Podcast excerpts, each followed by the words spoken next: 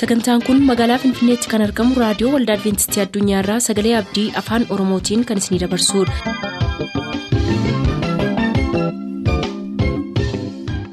harka fuuni akkam jirtu kabajamtoota dhaggeeffattoota keenya nagaan waaqayyo abbaa bakka jirtan hundumaatti isiniif haa ta'u jechaa kan nuti har'aaf qabannee isiniif dhiyaanne kitaabni qulqulluun maal jedha kan jedhudha ittiin eebbifama.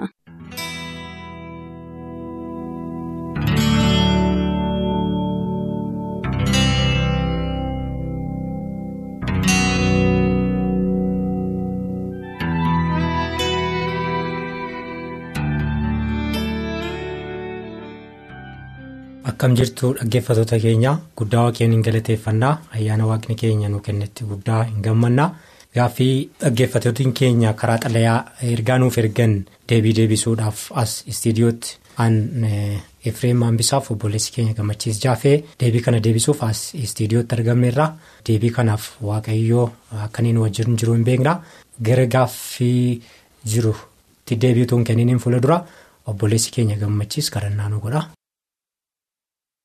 Si galateeffanna waaqa keenyaa gaarummaa keef amanamummaa keerraa kan ka'e kunoo yeroo kana akka geenyuuf ayyaana nuuf laatteettaa eegumsa keessa nuuf baay'ateef galanni maqaa keetiif haa ta'u ijoolleen kee bakka bakka jiran ta'anii sagalee kee kana dhaggeeffachuudhaaf yeroo isaan reediyoo isaanii saaqqatanii jiran kanatti ofii keetii ijoollee keetti dabartee sagalee kee isaanitti dubbachuuf isaan barsiisuun jaalala kee haa ta'u.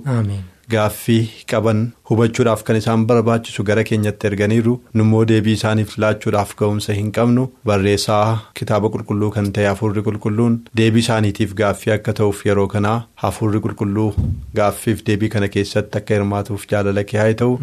Kana hundumaa waan gootuuf ulfaadhu. Maqaa ilma kee gooftaa jettee ameen. Gaaffiin itti aanu bariisoo goobanaa. Waldaa Makaanesuusii Raaroo Bodeerraa kan inni gaafate Maatiyoos 24 lakkoobsa 4-5 darbee 23 hanga 25tti seenaan kun walsima innis maa inni walsimee ta'a waan ta'eef. Maatiyoos 24 lakkoobsa meeqa? Maatiyoos 24 lakkoobsa 4-5. Akkas jedha. Yesus immoo deebisee homtinuu akka isin wallaalchifnetti akeekkadhaa baay'een ani masiidha jechaa. Maqaa kootiin hin dhufu namoota baay'ees hin wallaalchisuu jedha lakkoobsinni itti aanu. Lakkoobsinni itti aanu immoo 23 hanga 25tti. Egaa yeroo sanatti namni ilaa masiinas jira yookiis achi jira yoo isiniin jedhe hin amaninaa masiyoonni sobaa fi raajonni sobaa ka'anii yoo danda'ame warra waaqayyoof fo'amaniyyuu akka wallaalchisaniif milikkita gurguddaa fi dinqii baay'ee hin argisiisu kunoo an duraan dursee. Isinitti meeraa? Jedha. Waaqessi eebbisu egaa obboleessi keenya kun maal jedhaa? Ammayyuu jiruuyii jedhaan. Kun gaaffisaa keessaa tokko. Lammaffaa immoo akkamitti adda baafannaa jedha. Ammayyuu jiru. Raajonni sobdoon yookiin namoonni nama wallaalchisan kun ammayyuu jiru jedha obboleessi keenya. Ittaan immoo akkamitti adda baafanna yoo jiru ta'e akkamitti adda baafannaa jedha. Ati maal jetta. Gaaffii baay'ee gaariidhaaf baay'ee barbaachisaa ta'edha kun. To'aasofnu. Namoonni baay'een mata dureen kun yeroo ka'uu hin jaallatani maaliif akka isaan jibban naan galu keessumaa tajaajiltoota warri ta'anii fi tajaajiltoota warri jedhamanii waa'ee raajii sobduu yookiis barsiisota sobduu yeroo inni lafaa qabu badaa dhaga'uu hin jaallatani. Kanaafis jecha waldoota baay'ee keessatti mata dureen kun xiyyeeffannaan itti kenname yeroo inni barsiifamu hin dhageessu garuu kitaabni qulqulluun irra deddeebi'uudhaan waa'ee kanaatiif akeekkachiisa baay'eedha kan inni kennee jiru. Mee gaaffii isa jalqabaatti yommuu deebinu? Har'a nu gidduu jiru moo hin jirani? Gaaffii jedhuu fi deebii kennuun ulfaataadhas salphaadhas. Maaliif ulfaataa ta'a lafa inni jiru hin beeku dhaggeeffataan kun. Naannoo sanatti waan hojjetamaa jiruuf waan godhamaa jiru hin beeku kanaaf isin gidduu akkaataan itti yaade waan hin beekneefidha tarii gaaffiinsaa kun waldaa keenya keessa jiru waldaa namatti waaqeffataa jiru kana keessa jiru jechuu ta'a. Yoo akkas ta'e waan hin beeku waan hin qabneef eeyyee jiru yookiis immoo hin jiran ittiin jechuu hin danda'u obboleessa kanaan. Salphaan immoo akkaataan itti ta'u wantichi barri dhumaa yommuu inni ga'u bara dhumaatti isaan kun hundumtu baay'achaa akka isaan deeman kitaabni qulqulluu waan nutti himuuf waan naannoo keenyatti arginu irraa kaane eeyyee har'ayyuu jiru jennee jala murree itti himuu dandeenya dhaggeeffattoota keenyatti jiru. Iddoo baay'eetii namoonni mimmaan buusanii bu'aa jiru sababii raajota sobduutiif. Tarii amma ammaatti yeroo adda addaatti darbee darbee kan mul'ate yeroo hundaa garuu kan argamaa hin jirre waa'ee masii sobduuti. Anumta ofii kootii masiidha jedhanii dhiyaachuun baroota baay'ee keessatti al tokko taa'aa kan turedha. Ammas immoo gara dhumaatti ta'uudhaaf akka jiru dubbata sagalee waaqayyo. Raajoonni sobduun garuu guutaniiru. Balbala nama hundumaarra. Akka cirracha galaanaati. Kun immoo maal nu argisiisaa barichi dhuma jala akka inni ga'ee fi dubbiin raajiidhaan dubbatame kun akka inni raawwatamaa jiru yookiis akka inni fiixaan ba'aa jiru. Kanaafidha malee calluma deemni gooftaa yesus kan inni dubbate bara dhumaatti isaan kun hin waan ta'eef isaanirraa maal godhaa jedhee. Of eeggadhaa. Of eeggadha. Kan immoo jedhee utuun isin wajjin hin jiru isinitti dubbaddeera kana dursee isin akeekkachiiseera kana raajoonni sobduun hin qabu. Maaliin beekna akka isaan jiran isatti xiyyeeffachuutu irra gaarii natti fakkaata maaliin beekna. Sana qabxii barbaachisaa. Kitaaba qulqulluu keenya yoo dubbifne hunda isaa dubbisuudhaaf yeroo hin qabaan garuu raajonni sobduun jedha. Tokko warra utuu hin ergamin ergaa dhaqaniidha jedha. Utuu hin ergamin warra ergaa dhaqan. Kana waaqayyo irra deddeebi'ee maal jedha? Aangoon kumaa isaan hin ergine.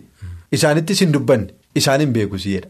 Akkasuma maatos boqonnaa 25 keessatti damee furkiyyaatti yeroo ilaallu warra karaa bita isaatii dhaabataniin yeroo inni ergaa badiisaa isaaniif dabarsu maal yaa gooftaa? Yaa gooftaa? Maqaa keetiin raajii hin Seexanan baafne jedhaniitu dubbatu jedha. Raajiin dubbanne ittiin jedhamu dubbattaniitu. Garuu an isin hin beeku. Raajiin sun raajii fayyinaati. Ani isin hin beeku jedha bakka. Ani isin hin beeku. Isin narraa fagaadhaa. Ani gonkumaa isin hin beeku. Garuu raajii dubbataa turan. Isaan maal turan jechuudha raajii sobduu turan. Raajii sobduu turan. Kanaaf warra ergaa hin ergamiin utuu hin ergamiin ilaa waaqayyo akkasii hin jedhanii dubbatanidha. Lama eessaa fuudhanii dubbatu? Yoo jenne garaa isaanii keessaa fuudhanii dubbatu tokko waan garaa isaaniitti yaadanii qopheessan akka waan waaqayyo biraa fuudhaniitti ila akkasiin jira waaqayyo gooftaan maccaa jedhanii dubbatu. Lammaffaa eessaa fuudhu waan walii isaanii irraa dhaga'an akka waan ana waaqayyo irraa dhaga'aniitti dubbatu. Darbe abjuu ofii isaaniitii abjoota walitti muudaan jedha namoota karaarraa kaachisu.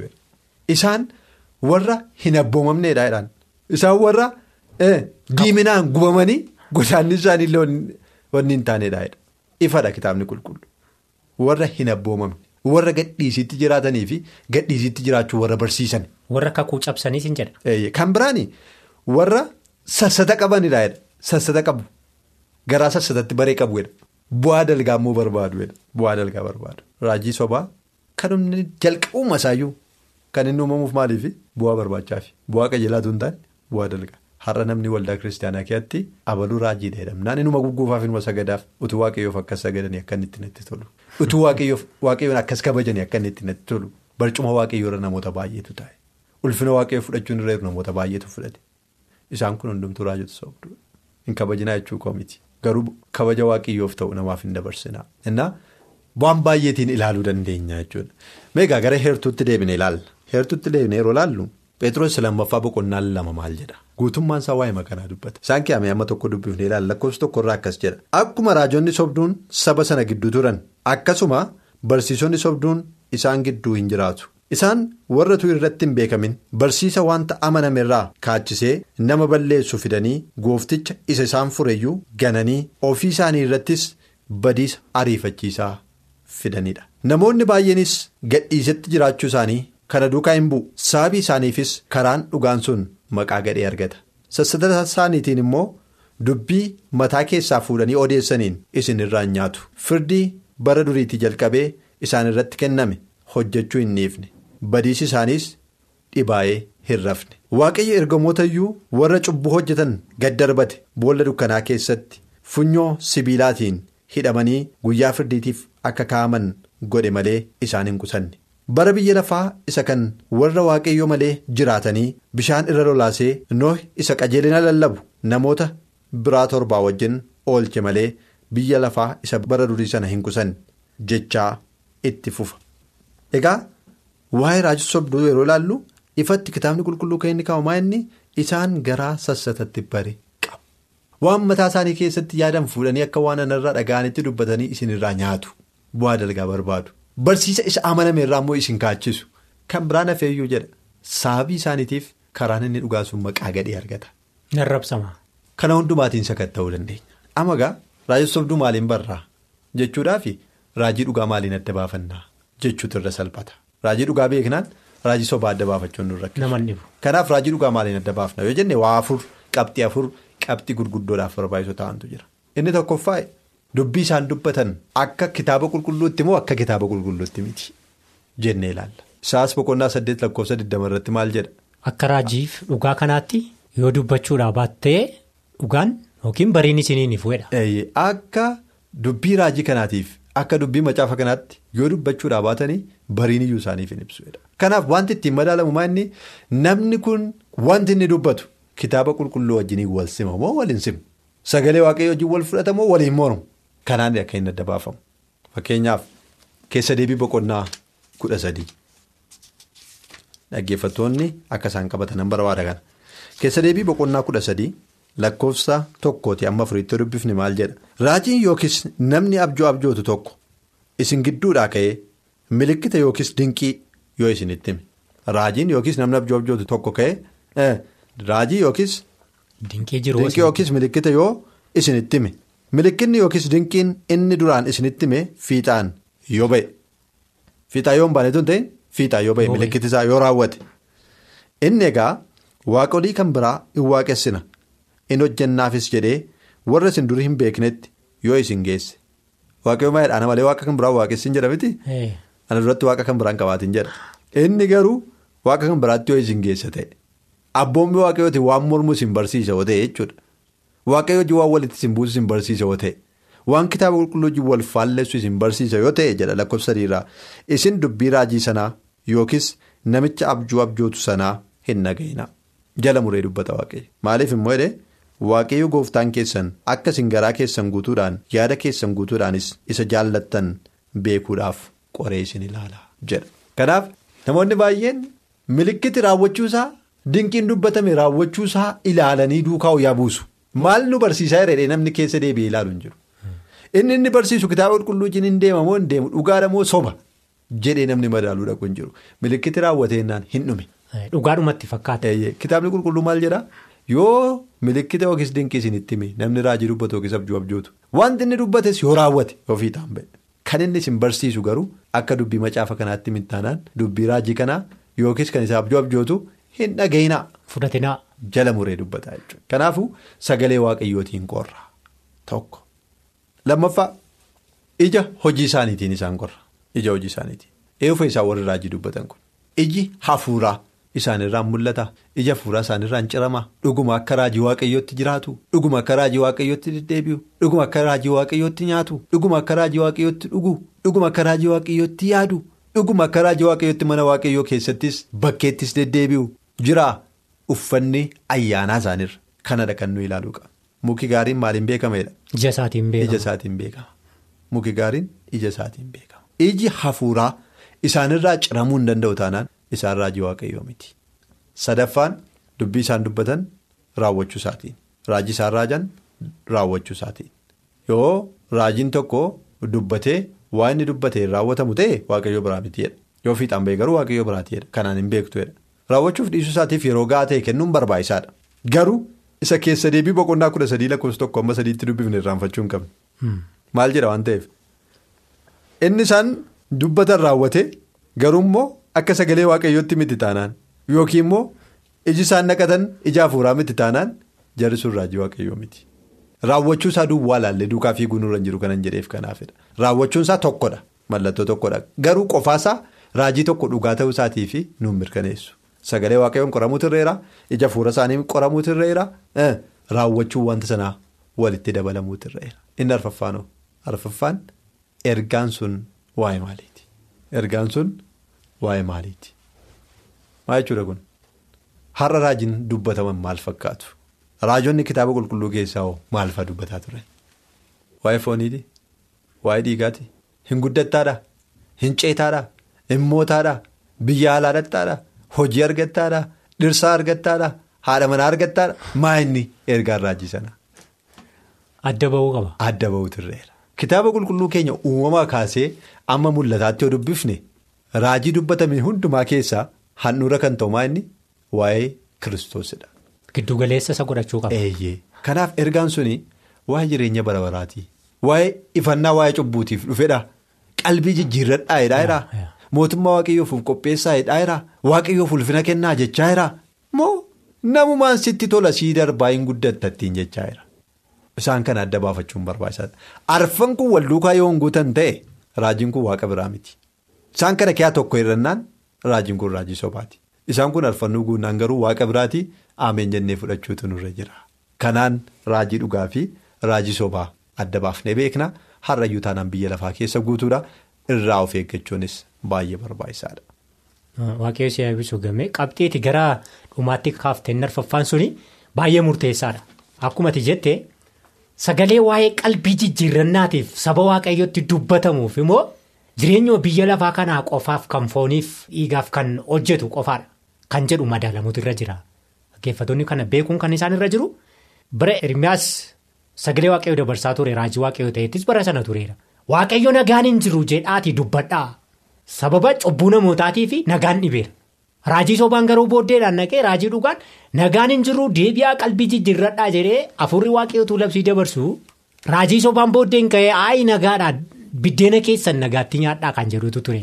Kanaaf har'as immoo biyyi lafaa xuraa'ummaadhaan guuteera waan ta'eef waa'ee cubbuu maqaa dha'anii yookiin waa'een cubbuu maqaa dha'ame namni tokko karaa jal'ate irraa gara dhugaa waaqayyootti deebi'ee qalbii jijjiirrachuun akka irra jiru cubbuun. Jireenya isaa keessa akka jiru maal akka hojjechaa jiru qalbii akka jijjiirratuuf itti dubbachuutu irra jira malee waa'ee jireenya foonii kan biyya lafaa kanaaf of guddisuudhaaf kan dubbatamu qabxiin na tarfaffaa irratti kaaftee baay'ee barbaachisaadha. Akkas jedha Ermiyaas keessatti jechuudha Ermiyaas boqonnaa soddomii tokko boqonnaa soddomii afur keessa dhannee yoo ilaalle cabni saba kootii akka waan salphaatti fayyuudha baay'een gadda seenaa kan yeroo dubbisu. Cabni saba kootii akka waan salphaatti fayyu. Nagaadha nagaadha hin jedhuudha nagaan garuu hin jiruudha namni har'a waama isatti tolu duwwaa dhaga'uu barbaada. Hin guddatta ittiin jedhamu duwwaa barbaada. Wanta ati yaaddesii milkaa'aa ittiin jedhamu duwwaa barbaada. Sin guddisa siin jedha waaqayyoo gooftaan maccaa yoo ittiin jedhame duwwaa barbaada. Ergaa akeekkachiisaa dhaga'uun barbaadu.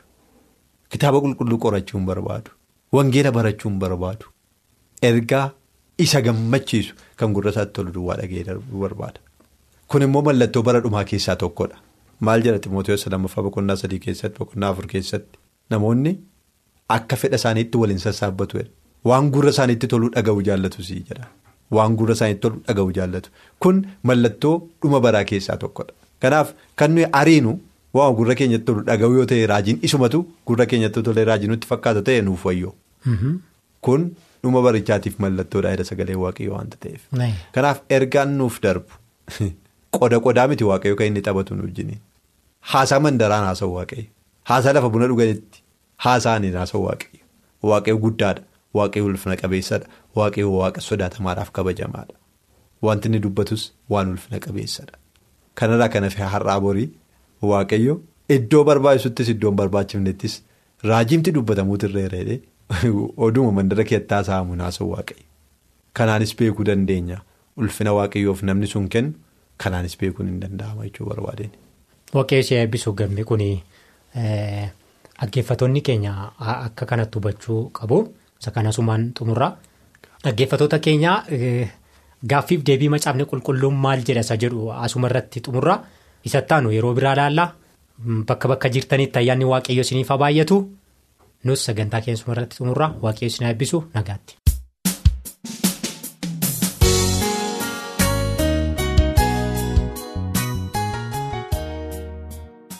kanarraaf qopheessine xumurriirra bora immoo sagantaa dargaggootaa fi sagalee waaqayyooti nuuf barreessuu kan barbaaddan raadiyoo waldaa adventistii addunyaa lakkoofsa saanduqa poostaa dhibbaaf 45 finfinnee lakkoofsa saanduqa poostaa dhibbaaf 45 finfinnee amma deebinee wal arginutti nagaatti. Jalqabniif dhumee gooftaasi uumaa gooftaasi uumaa Yesuus ati. Anaaf waaqumaa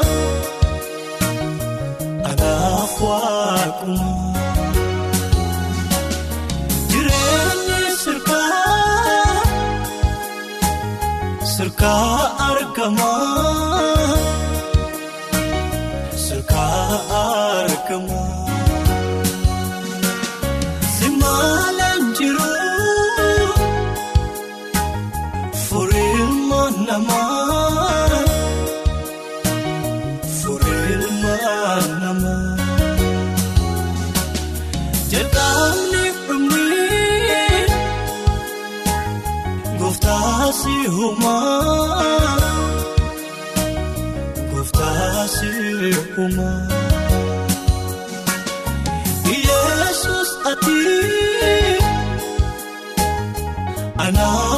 waaqumaa anaaf waaqumaa. Jireenyi sirkaa sirkaa argamaa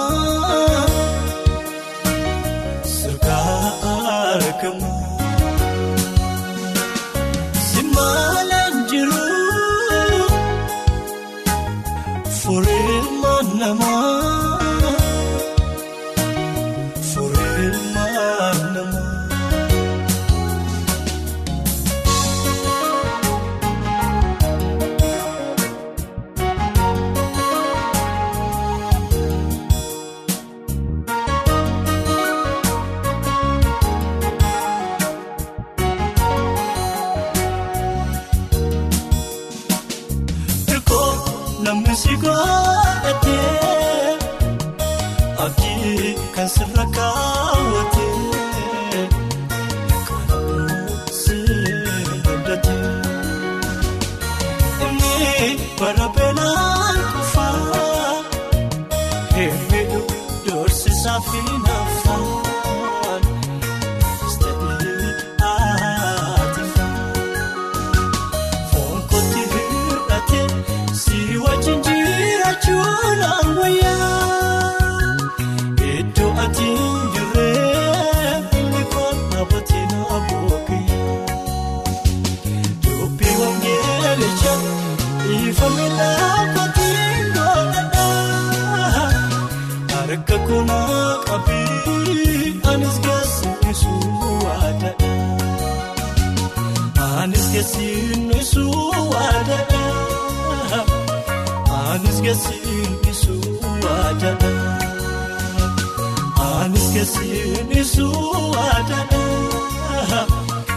Anis keessiin isu waadana.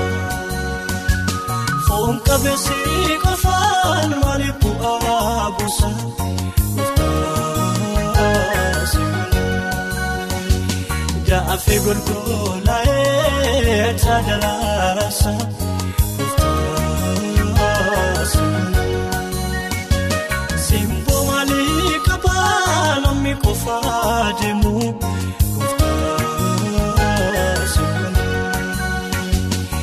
Yesuus hin gaadhisee eenyu kan beekamu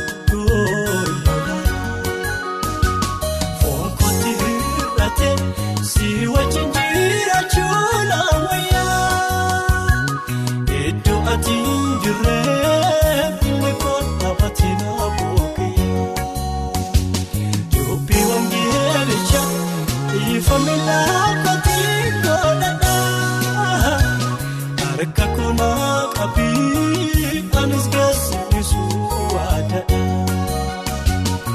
Anis keessiin isu waadana. Anis keessiin isu waadana. Anis keessiin isu waadana. Anis keessiin isu waadana. foon qabeessi qofaan maal bu'aa buusa murtaase.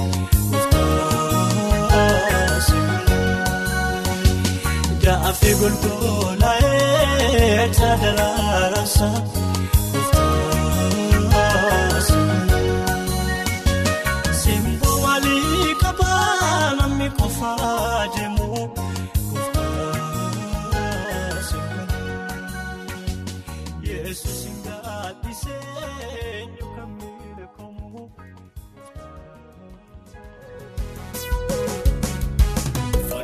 Murtaasa. jeedaa dadhaabalee kaakeen ulfeessaa ammaa malee laata afaan koositti waaqannu gooftaa yesuus faadhu.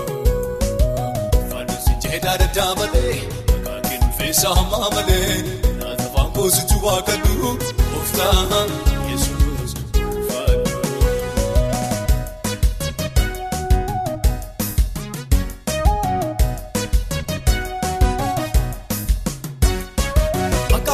Ulfeessaa guddisee waa'ee kee mootii mootii caaluu guddaadha maqaan kee hoo.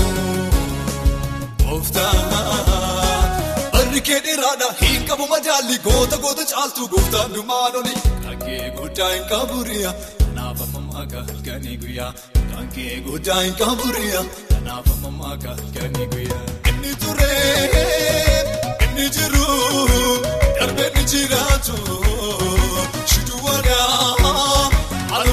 Meegaani maqaan kee ulfaatu inni turee inni jiru darbee ni jiraatu shituu waadaa alfaa meegaani maqaan kee ulfaatu. Faadusi jeedaa dadhaabalee kaakeen ulfeessaa ammaa malee laata afaan koositti waaqannu gooftaa yesuus faadhu. Faadusi jeedaa dadhaabalee kaakeen ulfeessaa ammaa malee laata afaan koositti waaqannu gooftaa yesuus faadhu.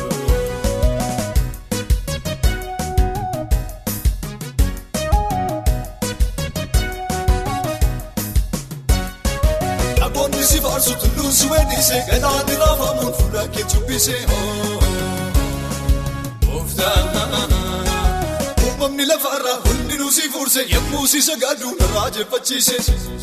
Safuu safuudha kan kee dhibee mana dhiisa raajiidha kan kee. Safuu safuu safuu safuudha kan kee dhibee mana dhiisa raajiidha kan kee. Inni turee inni jiru darbee ni jiraatu. Shituu waadaa